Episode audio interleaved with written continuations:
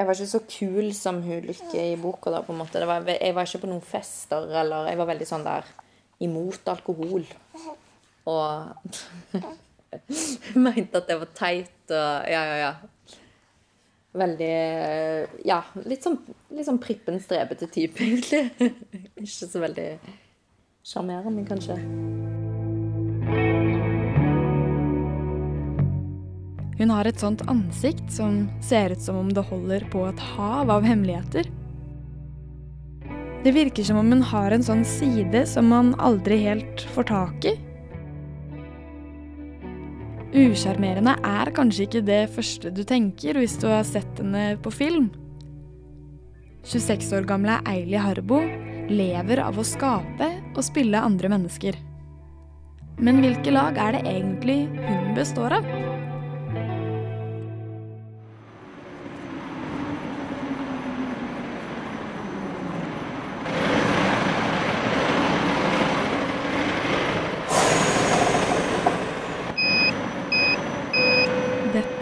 Lyden av pilestrevet mandag formiddag.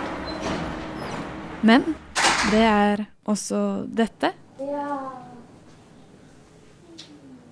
I en flislagt loftsleilighet i femte etasje er stemningen nedpå og ganske rolig. Hun har ikke sånn babygym og sånt. Nei. Kanskje det kommer til hvert.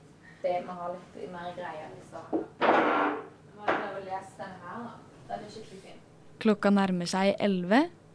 Eili henter fram en billedbok med en stor sirkel i duse farger og ovale øyne på omslaget. De har skrevet flere. De har skrevet òg firkant. Hva var det jeg leste? Hun ser avslappet og tilfreds ut, selv om hun har vært oppe fire ganger i løpet av natten. Snart tre måneder gamle Une har begynt å smile forsiktig og kikker opp i taket.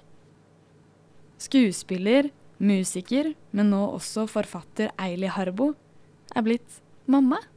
Ja. Trekant, firkant og sirkel. Og jeg vil ha tilbake hatten min. Dette er ikke min hatt. Vi fant en hatt. Det er tre forskjellige bøker.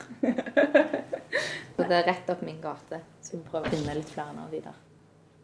Når jeg var barn, liksom, så trodde jeg på en måte at folk bare oppsto i det de holdt på med, som f.eks. lærere, at det var de hørte til på skolen, de bodde der, på en måte. Og sammen med teateret, det var liksom bare Ja, jeg tror man kan kjenne seg igjen i det, at liksom man forstår ikke at det faktisk er mulig å lære seg å spille piano, på en måte. At det er en prosess. Da Eili selv var barn, hadde hun ikke noen idé om hva det var hun var født til å gjøre. Men hun beskriver seg selv som et utadvendt, nysgjerrig og rastløst barn, som prøvde like gjerne alt mulig. Det var veldig mange sånn Du kunne teste to ganger, og så slapp du å betale kontingent eller et eller annet sånt. Eh, og da mista jeg veldig fort tålmodigheten. Jeg var veldig utålmodig òg, og det er jeg fortsatt, egentlig. Um, så da var mamma sånn Ja, kanskje teater er noe å teste ut. Og så begynte jeg på Stavanger kulturskole.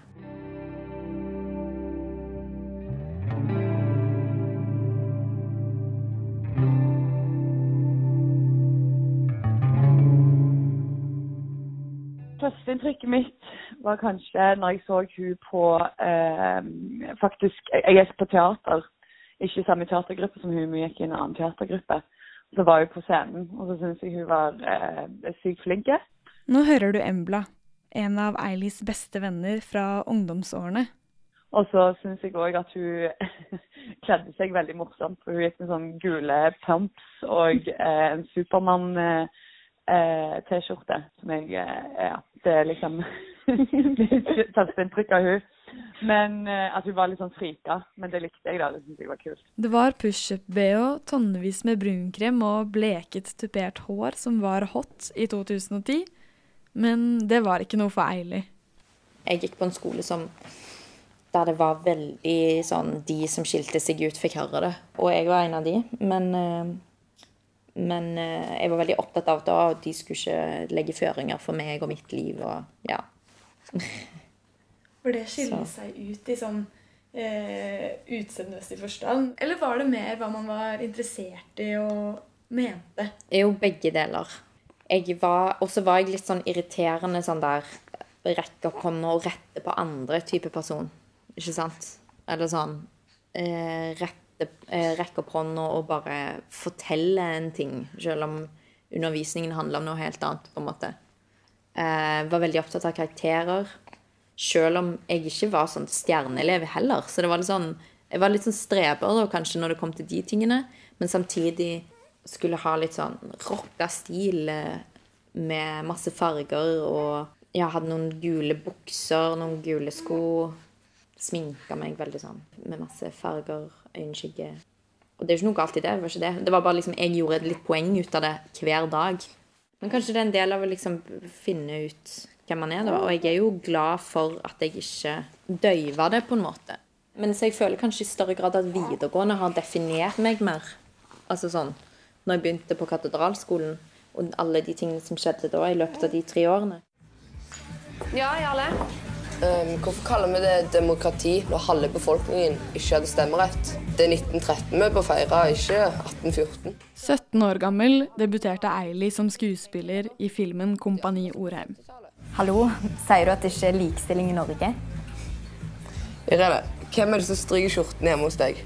Far din eller mor di? Det er faktisk meg, men det er ikke fordi jeg er jente. Lite visste hun at hun skulle spille kjæresten til Vebjørn Enger i et titalls andre serier og norske filmer, og på mange dialekter i årene som skulle komme. Altså for hvert skritt du tar, så går du sju mil. Hæ? Er ikke det litt farlig? Hun var hovedrollen i 'Kyss meg for faen i helvete' og spilte i hiphoporkester med folk som var over 30. Og så møtte hun noen av dem som betyr aller mest for henne i dag.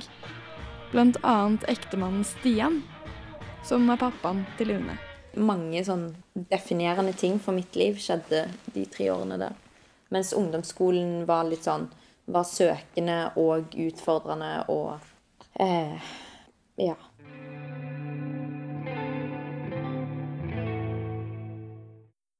Jeg ble litt usikker på denne kaffen, men jeg tror den er bra. Du får hun denne. Så du, har du sett den der når hun er usynlig? Nei, jeg har ikke sett. den. Nei, det kom en sånn jente som er usynlig til Mummidalen fordi at hun er redd eller noe sånt. Men jeg har ikke sett den siden jeg var liten, og så ja, fikk jeg den koppen. Eili tar opp en kopp med bilde av Ninni, eller det usynlige barnet.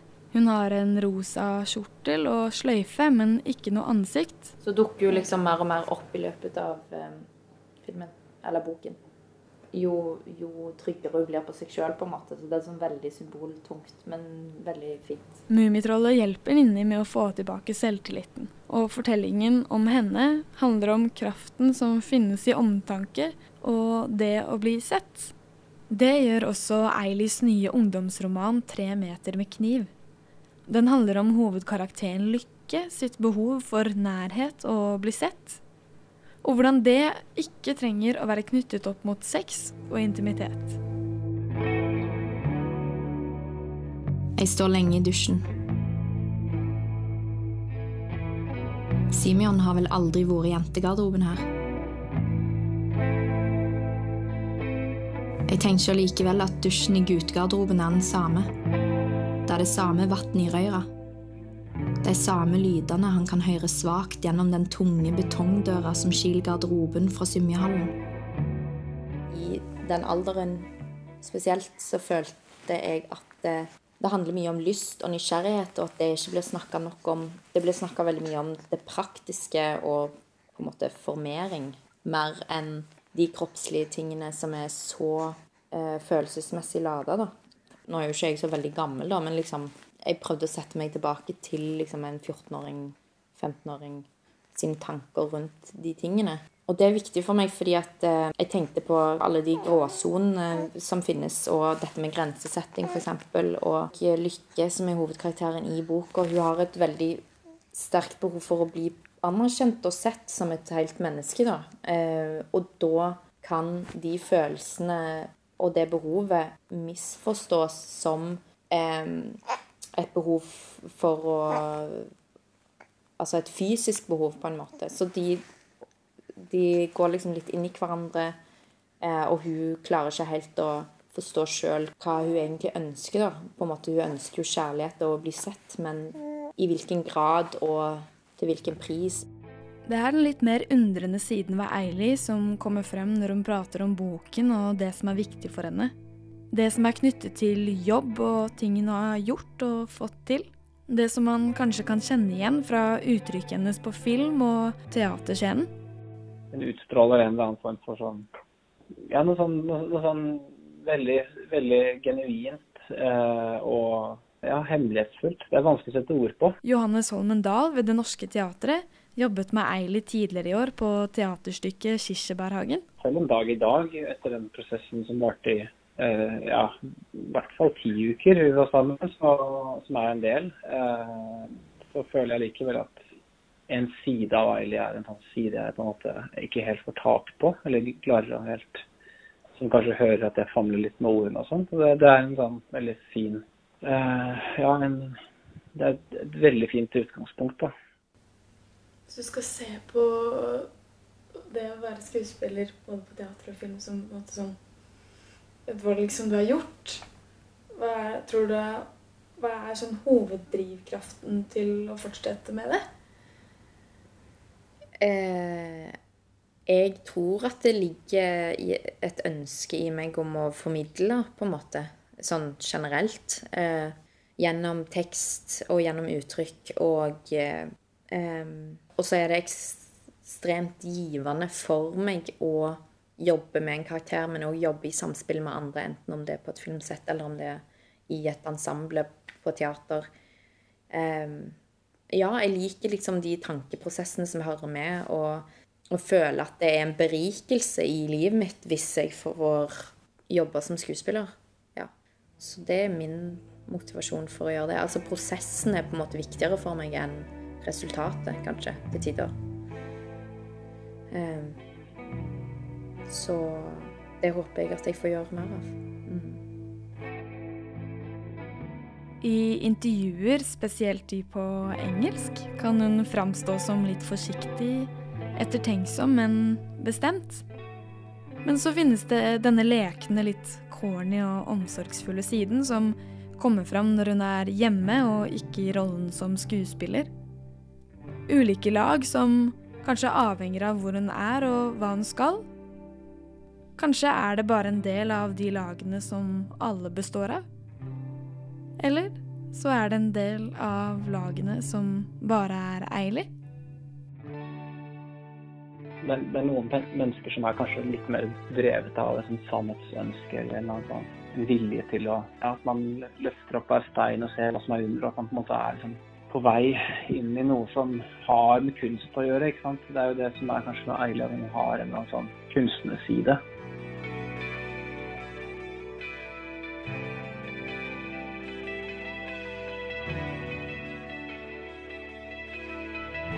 Musikken er laget av Eilis bror, Amund Harbo. Produsent er meg, Vilma Taubo.